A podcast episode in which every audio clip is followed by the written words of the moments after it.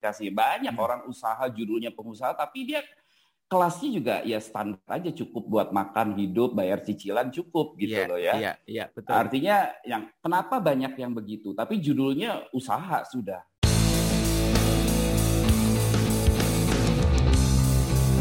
Oke, selamat pagi teman-teman uh, BHR Talks yang saya cintai. Senang sekali saya bisa ketemu lagi dengan teman-teman semua. Dan teman-teman seperti biasa kita akan ngobrol, kita akan berdialog dengan teman, sahabat, inspirator-inspirator yang sudah sukses di jalan hidupnya gitu ya.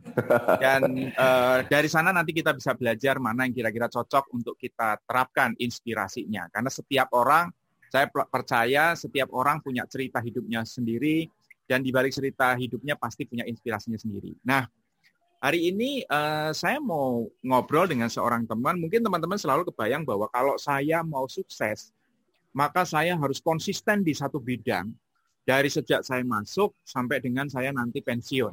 Itu banyak orang yang menerjemahkan arti sukses seperti itu. Artinya betul ada jenjang yang harus diikutin, tapi di satu bidang yang sama. Nah, uh, sahabat saya kali ini, inspirator kita kali ini adalah seorang yang mematahkan teori tersebut. Karena beliau lompat lompat lompatnya nggak kira-kira dari satu bidang yang dua bidang yang berbeda gitu ya. Dan akhirnya bisa mencapai apa yang sudah diraihnya pada pagi hari ini. Dan uh, selamat pagi Bro Porkas Pagi Mas Bro Basri Adi. Oke, okay. nah mungkin teman-teman saya perlu kenalin dulu Pak Bro Porkas ini adalah salah satu penguasa di Jawa Barat dalam tanda petik ya. Ampun Mas Bro. Oke, okay. bisnisnya banyak gitu ya, tapi nanti kita akan uh, apa namanya kupas satu-satu. Kok bisa bisnisnya bisa lebih banyak dan kenapa bisnisnya harus banyak-banyak gitu ya. Dan uh, mungkin teman-teman harus tahu bahwa Pak Bro Porkas ini sampai dengan posisinya saat ini tentu memulai dari bawah, gitu ya. Uh, dan memulai dari bidang yang sama sekali tidak ada hubungannya dengan apa yang dilakukan hari ini, gitu ya. Mungkin ada inspirasinya, tapi hubungannya hampir tidak ada. Pak Bro, saya ya. dengar dulu memulai karir dari dunia perhotelan. Benar ya, ya. begitu ya? Benar, benar, benar, benar, Mas Basri. Jadi uh, apa? Selamat pagi buat teman-teman podcast semua hari ini ya, teman-teman BHR Talks ya. Uh, jadi Mas Bro tadi tanya apa pengalaman saya dari hotel ya. Saya hotelier. Jadi kalau dulu ada film-film Korea yang kerja di hotel, nah saya kerja aja kayak begitu tuh. Seru, okay. Mas, seru. Jadi ngapain, saya tahun ngapain, ngapain? 91 tuh udah berkecimpung di per, dunia perhotelan. Jadi wow Uh, uh, karena saya pendidikan S3, Mas. Oke. Okay. SD, SMP, SMA gitu ya. SMA-nya pariwisata gitu ya. Oke. Okay. Uh, uh, jadi saya sempat kuliah juga tapi waktu itu nggak beres karena saya lulus sekolah pariwisata saya langsung kerja di hotel dan di hotel itu menyenangkan ya hmm. karena biasanya kan muda-muda masih cupu-cupu gitu ya tetapi kita tuh punya apa ya experience yang menurut aku tuh beda dengan kalau kita jadi karyawan biasa pada saat itu oke okay. karena uh, kita uh, dilihatkan gitu ya dengan teman-teman apa tamu-tamu lingkungan yang memang mereka banyak orang berhasil, kemudian hmm. lebih banyak acara-acara yang happy gitu ya. Iya, iya, iya, iya. Pernikahan kan happy gitu, betul, pesta-pesta. Betul, betul ya. Terus betul ya. itu oh, apa ya, ulang tahun ya, uh, uh, uh, uh. celebration, celebration, event-event itu di hotel semua. Yes. Jadi karena kita ada di lingkungan situ, jadi kita ke bawah happy aja. Ke bawah happy. Gitu ya.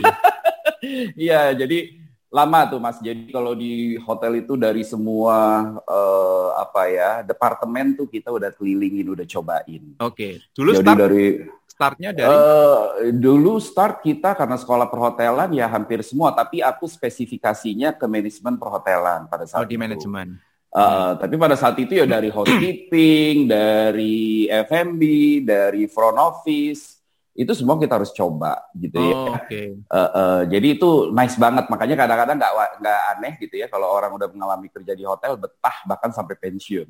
Oh, Karena iya, kita iya, nggak iya, iya. uh, apa ya seru gitu. Nggak ngerasa kalau kerja ya? Nggak ngerasa kalau kerja. Tapi contohnya buset ini waktu udah 18 jam aja kita di hotel nggak ngelihat dunia luar gitu. Iya iya iya iya. Iya Iya karena overtime itu jadi sesuatu yang nggak terasa gitu ya. Hmm. Uh, uh, jadi nice lah buat yang waktu itu kita masih muda-muda gitu ya. Apalagi yeah. kalau hotel-hotel waktu itu kita masuk ya hotel-hotel yang bintang lima. Bintang jadi lima, betul. Uh, apa ya tentu karena kita masih uh, fresh graduate ya mereka memang require-nya yang muda-muda. Kalau yang udah agak-agak uh, banyak gitu ya umurnya jadi agak sulit juga untuk ditempatkan di frontliner ya. Iya iya benar-benar. Biasanya langsung di switching gitu ke back office ya. Oh. Nah di situ aku udah mulai ada ancaman. Jadi Oke, okay.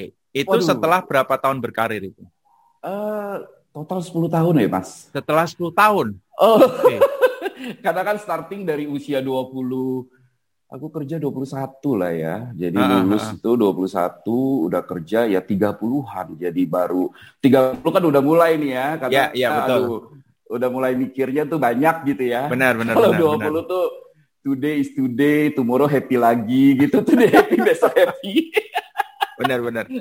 Jadi 30 aku pikir, waduh lihat uh, hotel-hotel yang udah lama gitu ya. Mereka uh, ada regenerasi, kemudian hmm. yang yang sudah usia tertentu dirotasi ke posisinya jadi nggak happy lagi menurut aku karena banyak okay. di back office ngujur, ngurusin paper paper hmm, gitu nggak dia administrasi ya jadi aduh aku kayaknya harus switching gitu tapi okay. di hotel itu menjadi banyak sekali sumber inspirasi buat aku okay. untuk menjadi aku sekarang gitu ya. hmm. ya karena kenapa? Karena aku lihat di hotel itu banyak banget orang-orang yang kerjanya kayaknya enak gitu. Sedangkan aku tuh ada shift ya, shift pagi, hmm. siang, malam.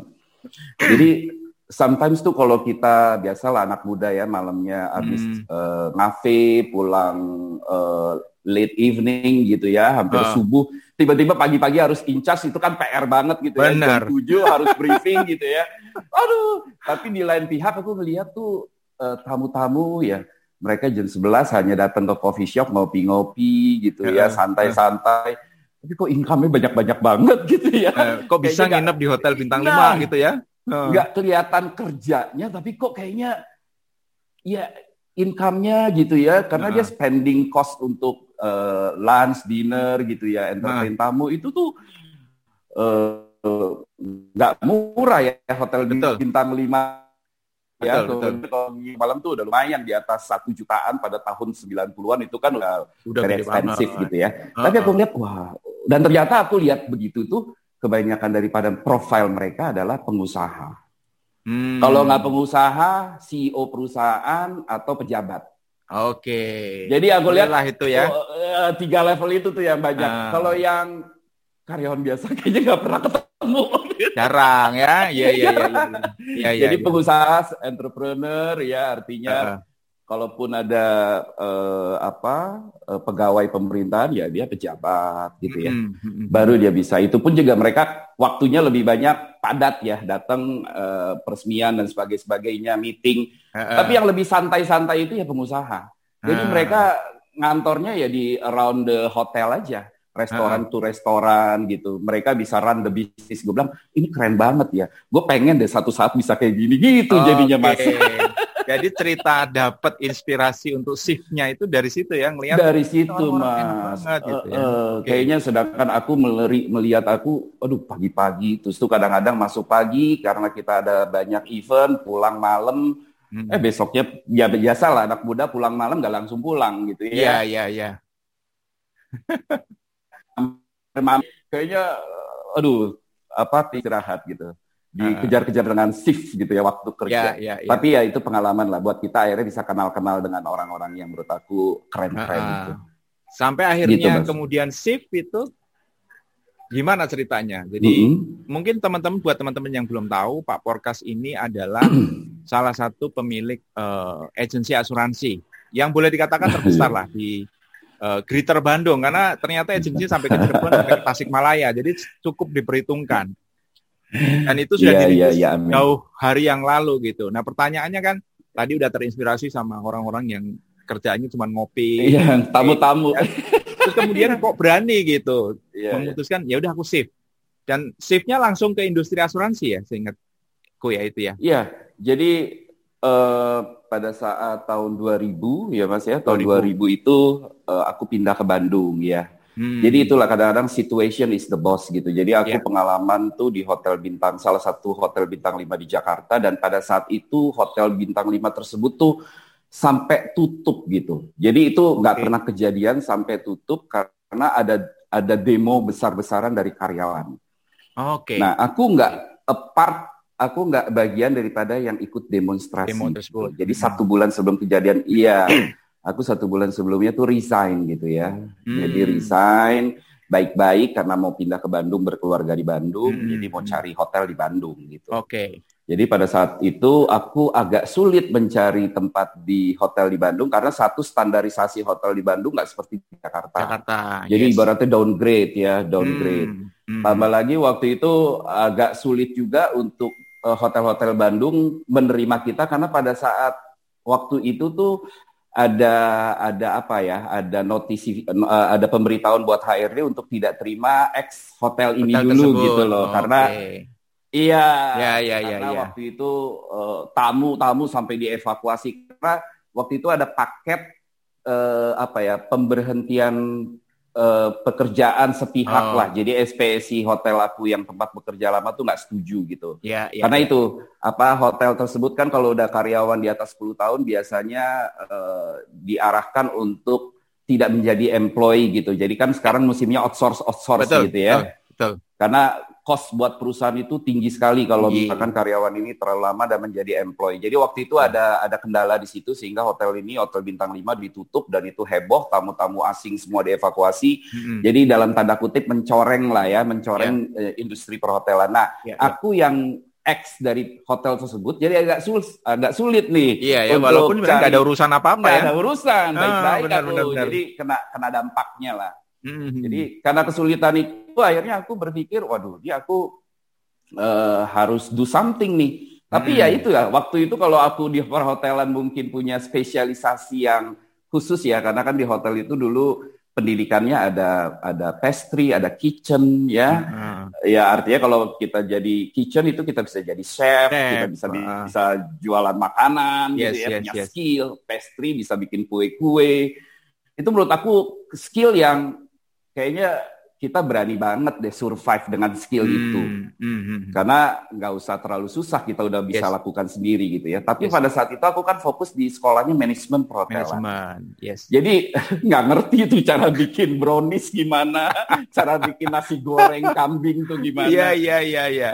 Ada skillnya itu skill ya kebanyakan orang. Iya, iya artinya skillnya bukan skill spesialisasi makanya itu salah satu penyesalan juga tuh waktu sekolah di hotel yeah. kenapa aku nggak mau masuk kitchen gitu ya nah. karena pada saat tahun 90 masuk bisnis kitchen itu kayaknya cewek semua ya.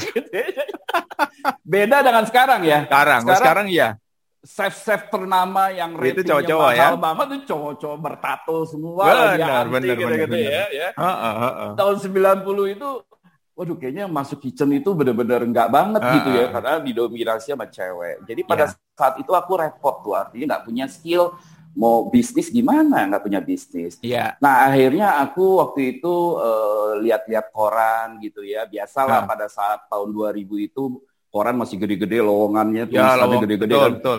Jadi pokoknya kalau kita ngelihat yang paling gede tulisan lowongannya perusahaan Bonafit aja gitu. Ah benar benar benar. Karena itu Sabtu Minggu tuh biasanya tuh. Iya, dia punya duitnya banyak nih bayar benar, buat pasang iklan. Gitu. Nah, uh.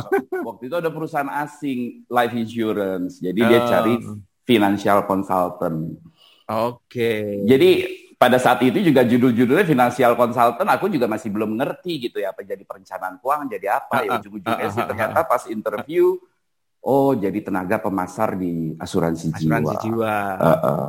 Dan ya, itu tapi waktu, belakangan setelah tahunya belakangan interview. mas pas interview gitu ya ada bos satu waktu itu oke okay, kamu pengalaman di sini oke okay, kamu ikut training pokoknya kamu satu bulan dua ya cuman gitu doang satu okay. bulan dua apa dua orang kamu masukin jadi nasabah dan kamu dapat fasilitas ini ini ya udah deh Pak. Daripada aku juga waktu itu karena masih belum dapat kan? Belum dapat dan udah apply. berkeluarga pula ya?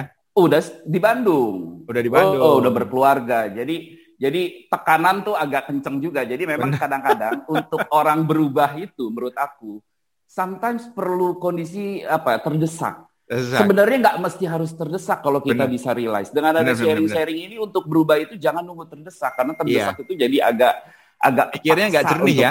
Ah, ah benar-benar. Ya karena aku waktu itu mas ibaratnya di hotel itu hasilan sih banyak ya artinya karena ada gaji kita ada service charge ada basic hmm. tapi hariannya juga lumayan uang tip. Tips aku ya, di, karena... di tahun 90-an itu satu hari itu uang tips itu karena bintang 5 diamond bisa 500 ribu. Wow. Tahun 90 mas. Dengan usia 20 tahunan gitu. Waduh. Ya tapi masih belum pikir uh, sampai ke jauh ke depan atau di tahun. Itu dia mas, makanya ya. minim literasi keuangan pada saat itu. Jadi yes. aku spending income harian tuh setiap hari ke salah satu kafe yang di yang lumayan beken di uh. Jalan Sudirman itu, yang uh. bawahnya dulu restoran ini, dia yang ada gitar-gitarnya itu, oh. ya, atau sebutnya hard rock lah gitu ya. setiap malam di situ. Jadi spending di sana juga lumayan gitu. Karena kita Waduh. lihat parameter tamu-tamu ya. Tamu-tamu kok hidupnya seneng gitu ya. Uh, uh, uh, Jadi tamu seneng kita juga seneng dong. Senang. Tamu enjoy life kita enjoy life dong gitu ya. Cuman bedanya kita spending uang di tempat orang gitu ya. Kalau yeah, tamu di yeah, tempat yeah, kita, yeah. kita di tempat orang. Jadi pada saat 10 tahun nggak punya saving, jadi agak berat memang. Hmm. Udah berkeluarga, nggak punya saving. Gak punya saving. Pindah ke kota baru ke dari Jakarta ke Bandung kan itu waduh nggak punya saving. Gimana ya nggak ada pegangan nggak ada income. Kerjaan nggak ada harus, pula gitu nah, kan jadi kondisi itu yang membuat aku harusnya coba. Tapi aku punya pengalaman waktu di insurance dulu juga yang akhirnya aku bilang ya udah deh gue jalanin deh gitu. Hmm, gimana tuh? Jadi waktu aku tahun sekitar 96 lah ya, 96 aku tuh pulang dari kafe tersebut tuh hmm. agak subuh-subuh ngantuk gitu ya pakai hmm. mobil jadi aku kecelakaan. Oke. Okay. Jadi kecelakaan itu aku udah nyaris juga sih karena aku posisinya kejepit setir gitu ya dan itu posisi mesin nyala jadi buka semuanya kena pecahan kaca jadi hmm. udah jam 4 subuh di Jalan Juanda. Oke. Okay. Uh, jadi pada saat itu aku ketolongnya karena subuh itu jalan jalan lancar ada apa mobil derek yang bisa ngeluarin aku dari kejepit setir itu gitu loh mas. Oh, Oke. Okay. Karena kan uh, mobil waktu itu ringsak gitu ya nah, tabrakannya sehingga aku posisi kejepit gitu hmm. mesin nyala jadi harus ditarik gitu Tarik, di ya. di keluar jadi tarik aku keluar. Nah pada saat itu aku punya pengalaman dengan insurance itu, ya waktu di hotel itu ditawarin sama tante. Jadi hmm. jadi nggak ngerti belinya juga mas. Yeah, Artinya yeah, jadi yeah, ya. pokoknya yeah. beli itu supaya nggak nelponin lagi deh nih tante gitu. Karena yeah. ganggu banget gitu. Yeah. Aku masih single man gitu ya. Uh -uh pokoknya kamu harus sisihin ah. tiga ratus ribu gini gini gini ya. Ya ya ya. Ya ya ya nanti tante terus terus terus hmm. sampai datang ke hotel juga karena aku di depan frontliner jadi uh, kamu datang bisa ketemu gampang gitu ya. Karena kan nggak nggak ngumpet di belakang di iya, dalam hotel iya, tapi di iya, depan iya. gitu. Ya udah aku ya udah deh asal beli deh.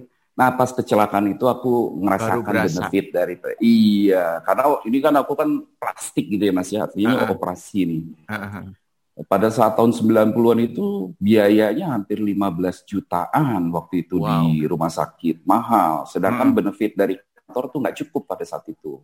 Oke. Okay. Jadi ada insurance dari kantor, tapi hmm. limitnya cuma 3 jutaan lah waktu itu. Iya, iya. Jadi langsung habis tuh ya dipakai iya, operasi. Iya, nombok. Untung ada asuransi yang dari tante dari si tante ini yang jadi, tadi ganggu tadi. Nah, jadi aku pengalaman itu doang waktu join di life insurance. Iya. Jadi aku pikir, wah ini manfaatnya bagus nih. Hmm. Artinya aku yang punya nggak kepikir, ah, ya udahlah, ini dia bicaranya ini pro, apa untuk dana pensiun yang kayak gitu-gitu. Ya, Ternyata ya. ada benefit itunya nih. Betul betul. Dan pasti yang kita nggak juga, kepikir lah. Ya iya. kan?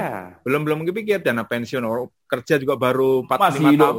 Uh, gue masih nikmatin banget deh gue punya iya. income ya ngapain oh, mendingan oh. aduh kita fun-fun deh ya enggak. Iya iya iya iya iya benar benar. Tapi Terus kemudian itu join di uh, industri asuransi tahun 2000. 2000. 2000. Oh, berarti iya. udah 21 tahun ya. 21 Mulai tahun, dari Mas. Dari financial uh, consultant ya? tadi ya. Iya. Agent lah ya. Uh, uh, uh, uh. Tapi agent. aku waktu itu langsung ya karena memang kita ngelihat profil tamu-tamu hotel itu orang bisnis gitu ya. Hmm, hmm. Jadi ada tamu-tamu kita tuh uh, importir, eksportir yang dari Hong Kong datang itu dagang gitu ya, hmm. bagaimana dia cari rempah-rempah murah-murah di sini. Aku kan sering ngobrol gitu ya, yeah, yeah. untuk dia kirim di luar gitu ya. ada juga yang orang Indonesia itu yang kerjanya im, apa import barang-barang, bagaimana hmm. cara pikirnya mereka gitu ya. Hmm. Akhirnya, oh ya bisnis itu ya memang harus kecil kali banyak, ya income lu naik gitu. Artinya okay. mereka juga ngambil ngambil keuntungan gak gede-gede, tapi gede-gede. Kali, kali jumlahnya yang dia mereka belanjakan, yes. mereka perdagangkan, mereka jadi kaya raya. Iya. Nah iya. pada saat itu di life insurance aku juga berpikir gitu. Hmm. Jadi waktu dulu waktu dulu itu ya sekarang juga sampai sekarang average uh, commission ya untuk hmm. produk insurance itu dulu ya sekitar 40%, kalau sekarang dengan bonus-bonus juga bisa sekitar 40% betul. dari premi betul, ya. Betul. Ya. Ya uh, artinya cake-nya segitu. Tapi aku pikir gila, ini aku segini, dapat segini. Terus tuh ada leader aku kan yang pasang iklan pada saat itu dapat aku. Oh, dia dapat segini nih. Hmm. Satu orang kayak aku ya timnya ada beberapa nih uh, gitu ya. Uh, uh, uh, uh. Jadi aku bisa ngitung penghasilan dia berapa gitu. Ya. Aku pengen dong gitu ya. Aku pengen artinya karena aku setiap bulan pada saat join itu nggak pernah kosong mas. Memang aku nggak menjadi top agent gitu ya. Karena parameter waktu itu aku cuman yang penting ini aku bisa ada income dulu deh. Hmm. Ya ada income, tetap pikirannya masih mau kembali ke hotel. Ya, Cuman ya. situasinya yang penting ada activity. Ada activity. Kalau ditanya tetangga kerja. Nah, nah, kalau mertua keluar kamar kita udah pergi duluan gitu ya artinya. Benar banget. Kalau mertua keluar kamar masih ada kan bahaya juga ya. Iya bahaya, bahaya benar-benar. Ada benar. ada bisa kabur duluan gitu ya. Nah itu aja dulu. Jadi hmm. tapi karena lingkungan setiap hari ngelihat yang sukses-sukses ngobrol sama mereka lama-lama hmm. sih tertarik juga tertarik untuk juga, mendapatkan ya. sesuatu yang lebih gitu ya. Dan akhirnya Jadi, itu membuat bisa bertahan 21 tahun ya. Ya, di aku dibilang tuh ya. waktu ya. di perusahaan sebelumnya lumayan cepat ya dengan zaman dulu dengan sistem uh, promosi yang lumayan ketat gitu ya. Hmm. Aku dalam waktu dua tahun udah bisa jadi kepala cabang dulu. Dalam waktu? Dua tahun. Dua tahun. Wow. Dua tahun di industri. Iya, iya, iya, iya dua tahun di industri itu aku udah kepala cabang. Hmm. Jadi termasuk the the faster lah ya di iya, eranya ya, ya. waktu itu. Karena itu ya dua itu. tahun itu, kenapa bisa dua tahun? Apakah karena mindsetnya aku mau jadi kepala cabang, ataukah mindsetnya karena enak ya kalau jadi kepala cabang income-nya gede gitu. Jadi sebenarnya yeah. waktu itu dikejar kepala cabangnya atau income-nya yeah. Iya, me, ini memultiply income aja mas. Multiplikasi. Jadi, iya, jadi saya dengan kemampuan saya sendiri itu sebulan segini. Mm -mm. Artinya ini dimentokin juga ya paling kenaikannya nggak akan gimana-gimana juga. Jadi mm -mm. saya harus melakukan rekrut gitu ya. Artinya yeah. bagaimana menduplikasi bisnis ya. saya. Ah. Betul, betul, betul. Jadi tujuannya sih simpel gitu aja. Tapi dengan mm. begitu akhirnya saya promosi uh, menjadi junior leader. Waktu itu di perusahaan saya cuma ada tiga layer, agent, mm. leader, bench manager gitu lah. Jadi cuma hmm. tiga layer lah gitu ya. Iya, iya, iya. Ya alhamdulillah gitu Mas Arda uh, ya itu uh, jadi apa yang aku hilang di perusahaan sebelumnya dengan uang tip satu hari lima ratus ribu gitu ya. ya, ya itu ya. Ada ada penggantinya. Kemudian okay. ini lebih lebih lebih enaknya artinya aku nggak pakai uniform. Kalau waktu di hotel dulu kan kadang pakai topi, kadang pakai ini. Jadi ini uniformnya bisa lebih uh, sesuka-suka kita aja lah. Jam gitu ya. kerjanya ya. juga. Iya, jam okay. kerjanya lebih banyak. Ya jadi itu yang membuat aku tuh oh ya udah ini bisnis yang oke okay deh. Okay. Gitu. Nah, terus kemudian gini, uh, Pak Bro. Kan hmm. uh, Pak Bro Porkas ini udah 21 tahun di industri, kemudian yeah. udah ngerasain memang benar-benar dari bawah sampai dengan posisinya sekarang saat mm -hmm. ini. Jadi mm -hmm. mungkin teman-teman uh, peserta apa, apa pendengar PHR Talks juga saya harus sampaikan informasi bahwa Pak Porkas ini tidak cuma membawai satu agensi, tapi ada delapan ya kalau nggak salah ya. Uh, ya tadinya enam ya. Tadinya enam. Ya, uh, uh. Sekarang? Sekarang kita on progress nambah lagi, Mas. Nah, oke. Okay. yeah. Kemarin sih bilangnya delapan ya. Pokoknya saya saya delapan lah karena on progress. Delapan dengan dua coming soon. ah, ya saya anggap uh, consider done gitu ya. Iya. Yeah, yang yeah. dulu dari agent biasa, kemudian uh, apa namanya? Iya. Yeah. Menjadi sampai punya delapan agensi. Dan tadi konsep multiplikasi income. Nanti kita akan bahas lebih lanjut multiplikasi income di belakang ya. Pak Bro ya karena ternyata setelah yeah. dari agensi ini banyak sekali yang dikembangin. Tapi gini, ada orang yang yeah. uh, apa namanya? Uh, kalau di industri kan kita kenal ada dua kutub ya. Kutub yeah. pertama itu adalah kutub kutub yang udah saya masuk di industri sebagai dalam tanda kutip pedagang polis. Ya yes. Ya kan? Saya masuk, yes. pokoknya saya jualan sebanyak mungkin, se ini mungkin sampai saya meraih satu predikat tertentu, ya. Yeah. Karena yeah. saya dagang polis dalam tanda petik. Yeah. Tapi ada orang yang meng mengambil uh, apa namanya kutub yang lain seperti Pak mm -hmm. Bro ini sebagai mm -hmm. seorang pebisnis asuransi, which is di mana yeah. saya sadar kemampuan saya terbatas, maka yeah. saya harus yang harus saya lakukan adalah saya menduplikasi diri saya. Nah, yeah. Pak Bro kan 21 tahun nih. Kalau saya boleh minta saran, kalau misalnya saya orang baru mau masuk industri ini, hmm. apa yang harus saya bangun ketika saya mau masuk?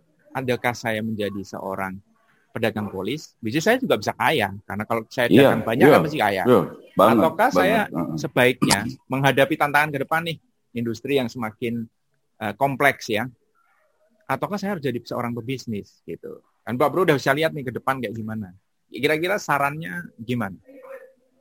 Ya agak ini sih Mas ya. Ini agak hmm. uh, apa uh, uh, dilema karena begini banyak juga sebenarnya uh, mereka yang dulu teman-teman karyawan gitu ya hmm. Hmm. hmm.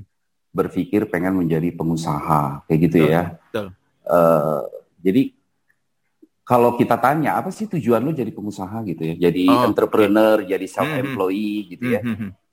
Ya umumnya sih ya mereka-mereka yang tadinya karyawan pengen jadi usaha kalau ditanya ya pengen perbaikan penghasilan kayak gitu-gitu ya. Karena kalau di karyawan itu katanya gitu ya. Ya. Uh, itu bisa ditentukan gitu ya. Hmm. Nah Uh, kemudian kalau ditanya lagi apa tujuannya ya pengen apa ya jadi bos diri sendiri, yes. nggak mau di di ditekan. Ya, ya, ya, ya. Pengen waktu fleksibel hmm. gitu ya, pengen waktu fleksibel. Ya, ya kalau ditanya itu menjadi tujuannya, menurut aku nggak ada yang salah dari situ. Betul. Ya, betul. Gak ada yang salah kita menjadi usaha nggak ada yang salah. Hmm. Cuman itu baru tahu yang enak-enaknya aja. Iya. Iya kan? Okay. Yang enak-enaknya jadi pengusaha ah, ah, gitu ya. Ah, Income tidak terbatas, jadi bos diri sendiri, waktu tidak terikat, oh, itu kan iya. yang enak-enaknya doang ya. Benar, benar. Nah, artinya yang perlu kita persiapkan juga itu mental kita siap nggak gitu ya menjadi seorang entrepreneur gitu ya. Uh-huh. Siap artinya pada saat satu bulan tuh nggak terima gaji gitu ya. Siap nggak satu bulan nggak terima, terima gaji kadang-kadang nombok. Ya. nah, siap nggak pada satu saat itu nombok yang uh. mungkin sampai minus minjem, tapi kita harus stand up lagi gitu, uh, harus survive uh, lagi gitu. Iya, iya, iya. Nah banyak orang tuh nggak siap di situnya. Hmm. Jadi banyak orang nggak siap di situnya. Jadi mereka tahu enaknya memang nggak bisa diinikan sih mas ya, karena menjadi ya. seorang pengusaha, ya artinya dia harus mempunyai mental pengusaha. Okay. Nah jadi pertanyaan Mas Basri tadi, apakah hmm. saya mau mendingan jadi penjual atau saya hmm. jadi pengusaha asuransi gitu ya. Yes. Uh-uh. Kalau saya bilang memang ini menjadi satu hal yang menjadi penjual asuransi ya bagus ini penjual asuransi kalau kita mau fokus mau all out di sini juga penghasilan nggak kalah iya ya nggak kalah artinya benar. dia uh, uh, bahkan dia mungkin secara mindsetnya dia saya nggak perlu mikirin orang Hmm. Karena mikirin hmm. orang itu, ngurus orang itu sulit ya. Benar, udah benar. diurusin, ya udah disupport, dibantu, nggak menghasilkan opo-opo, malah masalah ah. wae gitu ya. Iya. gitu ya. ya. Mendingan saya fokus jualan aja ke nasabah. Saya urus nasabah, saya antar nasabah, nasabah bisa memberikan sesuatu yes. ke saya dalam waktu cepat. Iya gitu. Jadi nggak salah dengan itu, gak salah. gitu ya. Betul ya. Nah kalau menjadi uh, uh, menjadi pebisnis Bisnis. asuransi juga itu satu hal yang baik. Jadi kalau menurut saya juga buat teman-teman yang mau bergabung di industri, uh, cek gelombang aja dulu. Oke okay, oke. Okay. Apakah teman-teman itu, apakah teman-teman itu uh, di mana nih passionnya? Yes. Karena gini, saya masuk industri, saya masuk industri, saya tahu cara jualan saya uh. ngerti banget handling objection, uh. ya. Tapi saya uh, nggak passion banget untuk bagaimana terus penjualan sampai uh, mungkin 8 jam waktu saya tuh fokus untuk prospecting aja. Oke. Okay. Oke. Okay. Nah, jadi saya nggak. Jadi saya waktu itu pikir mempercepat dengan multiply, gitu ya. Hmm. Jadi kalau saya punya penghasilan segini, saya ajarin orang itu dengan penghasilan yang sama sama saya atau setengah hmm. dari saya atau lebih dari saya, dan saya ciptakan beberapa orang, maka income saya bisa jauh lebih stabil nih gitu. Jadi saya pilih opsi itu membangun bisnisnya. Oke. Okay. Gitu. Jadi, jadi sebenarnya pilihan jadi teman -teman tadi tidak ada yang uh, salah ya nggak ada yang salah. Tinggal yang kita cek dulu pada Betul. saat kita join ya. Iya. Pada saat Inti... passion kita di mana nih? Yes. Ah. Intinya adalah kita mengenali dulu diri sendiri kita. Betul nggak? Iya. Nah, kadang-kadang kita fail, iya, kita iya. gagal tuh karena kita sebenarnya gagal mengenali diri kita sendiri. Kita lihat orang lain, oh ini Betul. Pak Bro Porkas bisa sukses nih dengan cara begini. Kayaknya iya, aku juga bisa. Iya. Padahal iya. diri sendirinya mungkin belum tentu cocok. Iya. Betul kan? Iya. Yes. Padahal kita mungkin kalau fokus lebih ke penjualan pribadi, tapi ya itu pada saat kita mencoba, kita ikutin sesuai yang diarahkan. Artinya hmm. eh, maksimalkan dulu Ya, Jadi ya, artinya ya. kalau mau jadi pemasar yang yang bagus ya tentu hmm. aktivitas bagaimana bisa satu hari itu bisa melakukan beberapa kali presentasi pertemuan itu dilakukan. Jangan kita gamang tapi mencoba sebagai pemasar pribadi itu aktivitas kita satu bulan cuma satu dua kali uh, ya, melakukan ya. apa ya uh, betul, bisnis betul. stok gitu ya ya betul, susah betul. juga ya. Benar. Sama Jadi yang penting kita tadi, mau mencoba pebisnis asuransi Ya. ya. Betul. Jadi pertama mengenali diri sendiri, begitu kita sudah kenal kita harus yakin, betul ya? Karena bagaimana kita iya, meyakinkan betul. orang kalau diri sendiri kita sudah aja nggak yakin, itu kan kira-kira nah, ya filosofinya. Nah, ya. nah benar, benar. memang sih sebagai pebisnis bisnis itu ya kita harus kuasai apa ya, apa yang kita mau jual, apa yang mau kita ajak orang berbisnis. Ya, Jadi ya, menurut ya. aku uh, dan boleh dicek di mana pun mereka yang menjadi pebisnis asuransi yang berhasil, hmm. berhasil tuh dengan dengan apa ya dengan parameter misalkan ya hmm. manpowernya ada, produksi hmm. timnya ada gitu ya, pengembangan hmm. bisnisnya ada, itu hmm. pasti uh, apa ya uh, senior leadernya itu memang dia paham betul menjual karena perlu hmm apa ya perlu mentoring. Seorang uh, yes. pebisnis junior tuh perlu mentoring. Jadi yeah. kalau di, kita mau buka bisnis kita nggak kita nggak ngerti untuk bagaimana produk ini bekerja gitu. Bagaimana produk ini it works gitu ya. Apa uh beauty of produk lu ini nih sulit Betul. menginspirasi ke pebisnis-pebisnis baru kita. Uh kemudian bagaimana menduplikasi ya bagaimana melakukan pengembangan supaya ya, ya. duplikasinya ya. jalan ke bawah itu memang tantangan banget. Jadi memang harus pinter dulu pebisnisnya. Nah, cara pinternya ya memang dia harus belajar, dikenali dulu pekerjaannya, hmm. dulu sebagai pemasar ya. Pemasar itu dia benar-benar matang di situ barulah dia uh, coba di bisnisnya. Yes. Itu baru akan lebih bagus, Mas. Lebih gitu. bagus ya. Jadi ya, aku lihat berarti uh, uh, pelajarannya ada empat nih dari ya. apa yang tadi udah diuraikan oleh Pak Bro. Pertama adalah kita harus mengenali diri kita sendiri, ya kan? Jadi sebenarnya potensi kita tuh di mana sih kita ini jago yeah. jualan kah atau jago meyakinkan orang untuk join di bisnis kita, gitu ya? Yeah, yeah. Nomor dua adalah setelah kita tahu potensi kita di mana, kita harus uh, punya kemampuan untuk meyakinkan diri sendiri dulu yeah. sebelum meyakinkan orang. Terus yang ketiga, cari mentor yang benar. Ya nggak? Iya, iya. Kalau nggak iya. mentornya nggak benar ya pasti nggak bisa sukses juga, nyungsep juga. Nah Susah. itu yang kadang-kadang saya lihat teman-teman uh, ada yang gagal karena mereka justru cari teman yang gagal. Nah, rasa supaya merasa senasib ya betul ya. Jadi Karena kalau yang sesama itu memang jadi curhatnya nyambung gitu nah, ya. Nah, gitu. Padahal itu keliru ya, harusnya nggak boleh begitu ya. Padahal itu curhat menyesatkan itu. Menyesatkan gitu. ya, jadi ya, yang ya. ketiga adalah cari mentor yang benar. Yang keempat adalah jangan berhenti belajar. Betul ya? Betul Mas. Waduh, saya sering ikut banget di kelasnya Mas Basri. Karena ilmunya selalu pasti dinamis ya. Karena kita kan yeah, berhubungan yeah. dengan manusia ya, pasti yang banyak berubah, banyak berubah. Betul. Nah, betul Gaya penjualannya juga berubah-berubah, Mas. Nah, ah, benar. Empat mindset yang harus dimiliki ketika seseorang sebenarnya mau masuk sebuah bisnis. Sebenarnya nggak cuma di bisnis asuransi ya, itu kan sebenarnya berlaku untuk di semua bisnis Betul. ya. Semua bisnis. Semua bisnis ya. Semua bisnis. Makanya itu dia Mas kalau boleh aku hmm. sharing di sini gitu yeah. ya karena aku kan melihat ya di life insurance bisnis ini banyak nama-nama besar tuh yang menurut aku tuh gila gue ngefans banget dan gue pengen seperti mereka ya Oke, ya, ya. ya jadi nama-nama besar yang yang memang dia produktivitinya udah gede income-nya tuh udah udah mungkin digitnya itu satu hari udah double digit gitu ya Ya, ya, karena ya. waktu aku di insurance itu bos aku yang lama tuh gue tuh ya kalau di sini satu hari eh, dapat duit tiga juta per hari di sini Ah. di eh, senior di life insurance ya tiga juta per hari gue udah keluar jadi kalau tiga juta per hari kan hampir digitnya udah kebayang lah ya cepet Ya. gitu ya satu Ya. bulan gitu ya Ya, padahal ya ya. kerja dia ya agak santai juga segitu ya aku mikir waduh waduh ini eh, asik juga keren juga gitu ya. Ah, aku ah, juga ah. pengen jadi begitu. Eh, tapi aku juga sempat kepikir tuh karena income di life insurance ini kan kadang-kadang tuh income-nya banyak lebih mas. Jadi benar loh mas. Jadi Heeh. banyak lebihnya. Padahal kita eh, cost of life kita kan udah terukur ya. Misalkan satu Betul. bulan berapa bayar ini bayar itu bayar ini Iya, bayar itu, makan saving berapa sih, nah gitu ya kan. kan?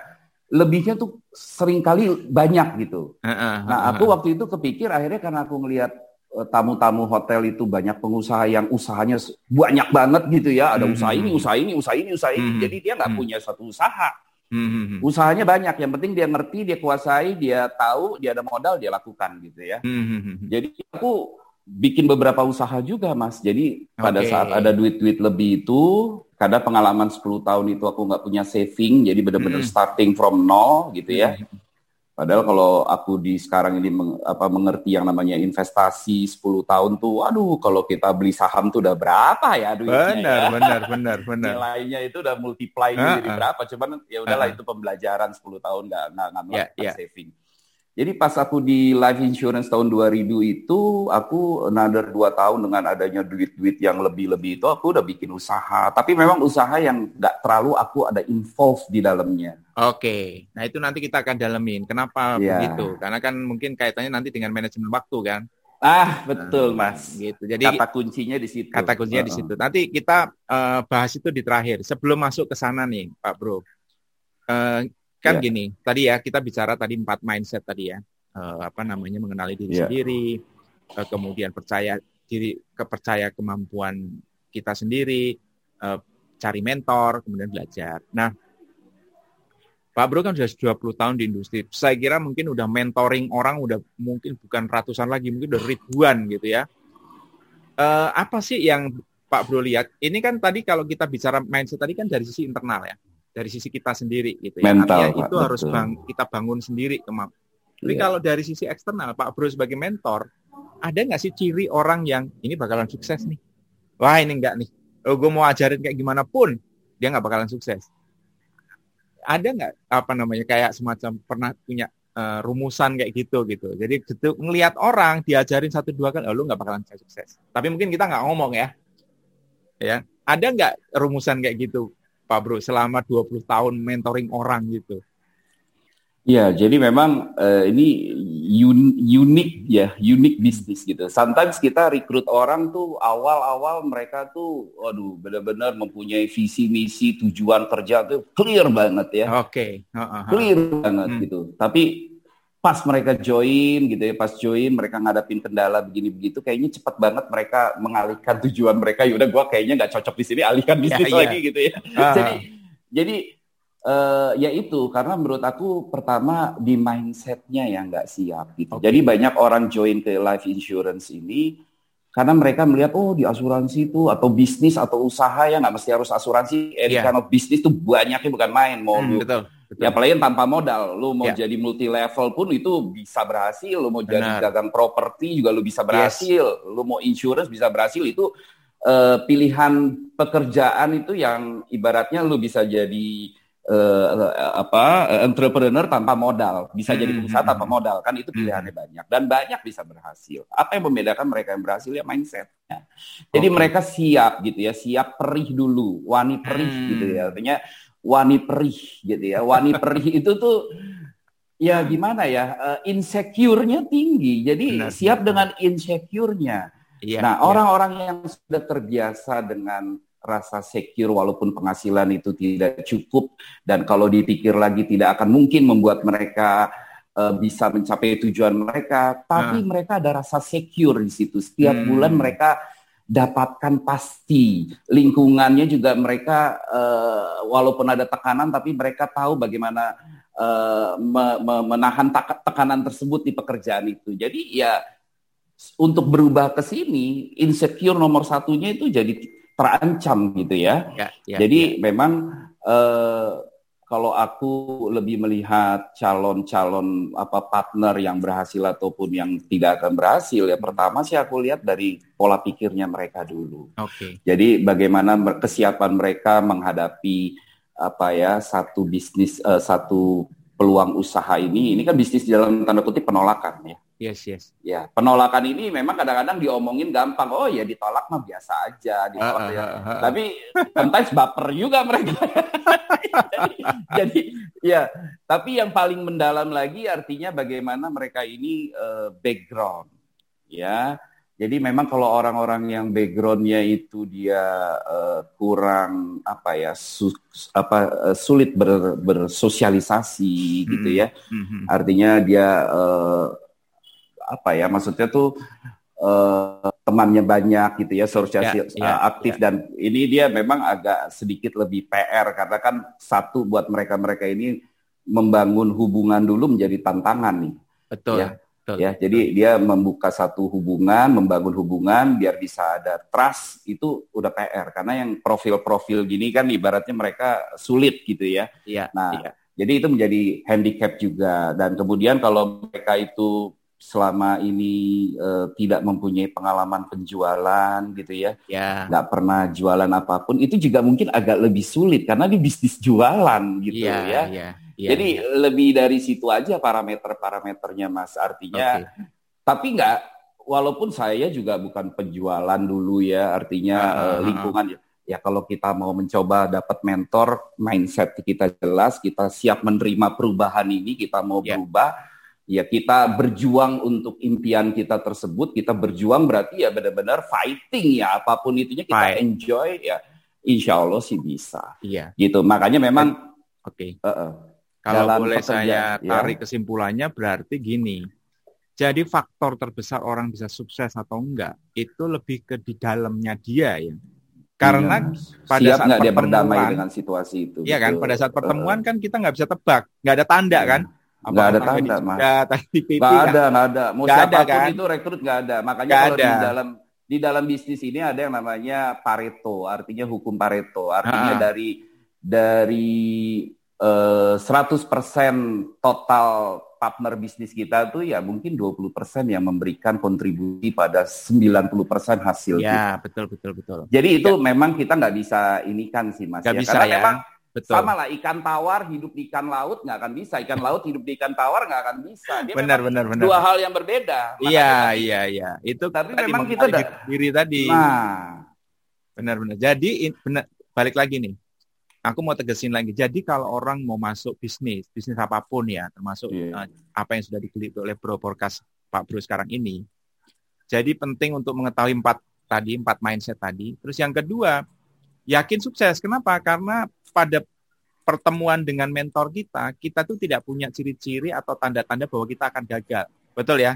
Ini Betul. Pak Bro sebagai mentor 20-an tahun belum pernah ketemu ada orang yang oh kalau hmm. ada garisnya di jidat itu pasti gagal ya kan? Enggak ada kan begitu kan? Enggak ada, enggak ada. ada ya. Jadi pada dasarnya semua gak orang ada. punya hak untuk sukses. Kira-kira gitu oh, ya? Oh iya, betul. Semua orang punya hak. Tinggal kita memang benar-benar pada saat kita mengambil keputusan, kita harus siapkan ya uh, segala sesuatunya ya, pikiran, hmm. tenaga, uh, hmm. uh, apa uh, untuk mempelajari hal tersebut. Jadi kita serius okay. di situ.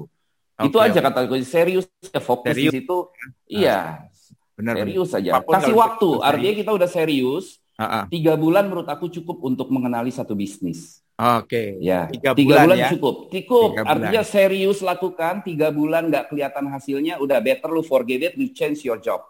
Ah, Mending gitu. Oke. Okay. Karena kalau lu lanjutin, stay. lu lanjutin lu juga akan hasilnya begitu-gitu aja. Betul. Nggak akan nggak akan mendapat uh, nah. akan mendapat sesuatu yang extraordinary gitu. Betul betul betul. Okay. Jadi aku sih berprinsip gitu, tiga bulan lu coba tapi fokus serius, lakukan semuanya dengan benar gitu uh -huh. ya, mm-hmm. cari mentor yang benar, diskusi dengan dia lebih cepat lihat hasilnya. Kalau nggak ada movement, udah kalau memang lu mau buang-buang waktu ya boleh lu di sini tetap gitu ya. Tapi kalau lu mendingan lu change your job, mendingan cari ada Dari yang sektor yang ya, lain. Sektor yang lain. Uh, Karena menurut aku cukup, man. Cukup Oke. banget mas tiga bulan. Uh, uh, uh. Pak Bro, ini Ya. nggak berasa kan? Tadi Pak Bro bilang, udahlah kita ngobrol 34 Iya, menit. Ternyata udah 45 menit loh. Tapi aku masih satu pertanyaan nih, ya kan? Udah lah mas, cukup. Tanya. Jadi gini, kadang pada saat kita eh, mengajak orang atau merekrut orang masuk di dalam bisnis kita, bisnis apa pun lah ya. Kalau dalam konteks kita saat ini kan di industri jasa keuangan, kita Iya. sering ketemu orang yang udahlah aku nggak mau lah join di eh, bisnismu karena aku sibuk. Iya. Karena eh, apa namanya aku sudah punya bisnis, aku nggak punya waktu. Nah, in contrary ya di kebalikannya, Bro Porkas ini tadi mengelola 8 agensi. Juga punya beberapa usaha sektorial lah saya sebut sektorial ya. Karena kalau yang sektor eh, apa namanya investasi yang nggak kelihatan kan Iya. saya nggak akan korek gitu ya. Sektorial yang kelihatan gitu ada beberapa eh, properti yang disewakan kos-kosan dan lain-lain termasuk cucian mobil. Pertanyaannya kenapa ada orang yang baru punya satu bisnis saja bilang aku nggak punya waktu nah sedangkan anda ini yang udah mengelola bisnis banyak banget kayaknya kok kayak kurang kerjaan gitu apa sih sebenarnya rahasianya gitu supaya kita itu bisa kayak uh, bro, Pak Bro Porkas ini gitu. Jadi Mas Bas, emang kadang-kadang suka itu tantangan sih Mas. Kalau Nah. aku sih ngelihatnya waktu ada, kesempatan ada, bagaimana kita memultiply aja terus. Oke. Karena gini, karena orang yang punya bisnis juga saya perhatikan, kan pengusaha tuh banyak kelasnya, Yes. ya. Jadi kayak karate itu kelas biasa sampai sabuk hitam tuh ada sabuk-sabuknya gitu. Ah, Jadi ada ah. klasifikasi. Banyak Hmm. orang usaha judulnya pengusaha, tapi dia kelasnya juga ya standar aja cukup buat makan hidup, bayar cicilan cukup gitu Iya, loh ya. Iya, iya, betul. Artinya yang kenapa banyak yang begitu, tapi judulnya usaha sudah Mm-mm. nggak akan jadi karyawan. Mm-mm. Ya karena dia berpikirnya sudah cukup, karena dia Hmm. udah menutup gitu loh. Jadi dia nggak bisa membuka diri untuk sebenarnya lu masih bisa lo nambahin isi lu lagi, pundi-pundi lu lagi.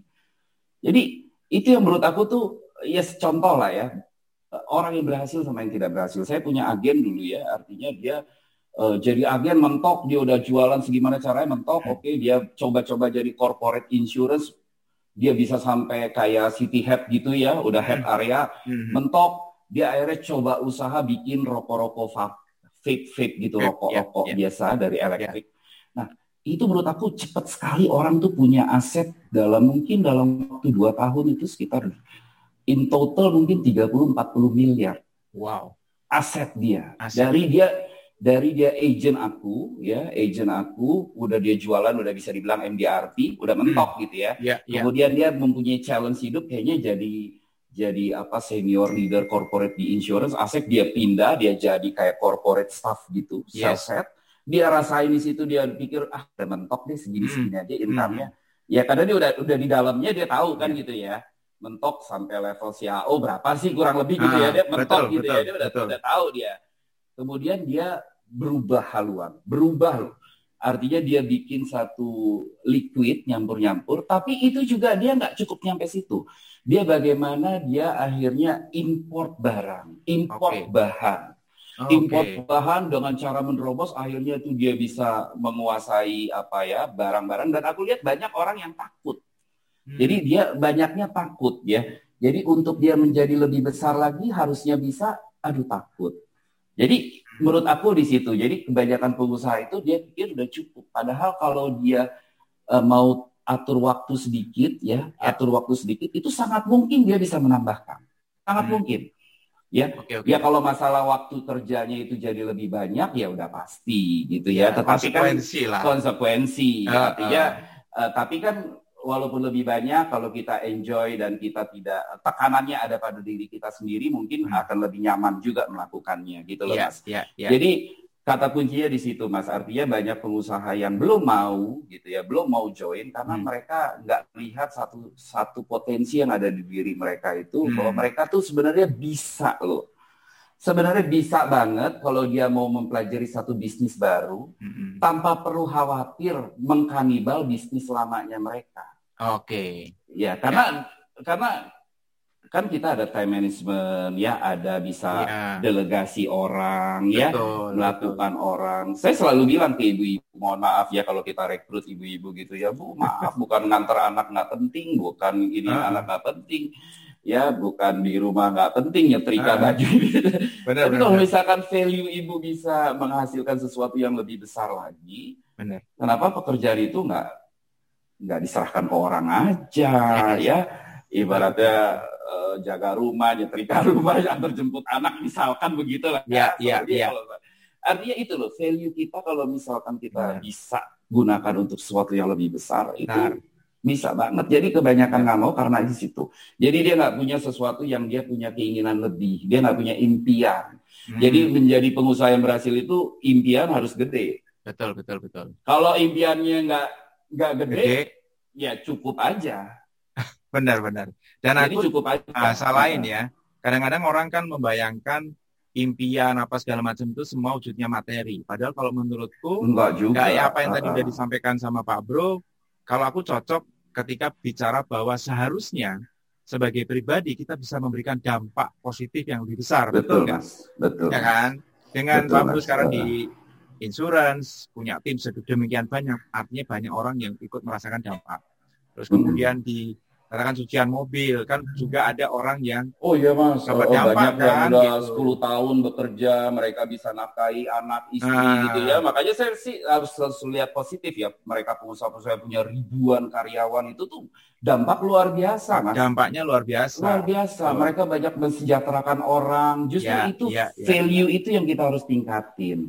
Yes. Kalau kita bisa save more lives gitu ya, artinya memberikan peluang lebih banyak lagi kepada orang, kenapa kita nggak ambil? Yes. Jangan kita merasa cukup buat diri kita doang yes. dong, ya. Betul, kita betul coba buka lagi supaya ini bisa membantu orang lagi di luar sana gitu loh. Oke. Okay, Jadi okay. sebenarnya itu aja. Nah itu yang memang menjadi PR ya buat kalau kita ketemu pengusaha untuk kita ajak uh, bergabung gitu ya mencoba satu bisnis baru ya pertama memang harus dibuka dulu impiannya harus digali dulu sebenarnya ada potensi dia potensi ya. untuk iya cuman pak ya uh, cuman ya kembali lagi mereka kadang-kadang nggak siap dengan rasa insecure ya kayak mentalnya dulu harus dibenerin ya. Benerin, iya betul betul betul. Diajak cara pandang, yes. gali sehingga dia mau keluar dari comfort zone-nya. Iya. Gitu ya.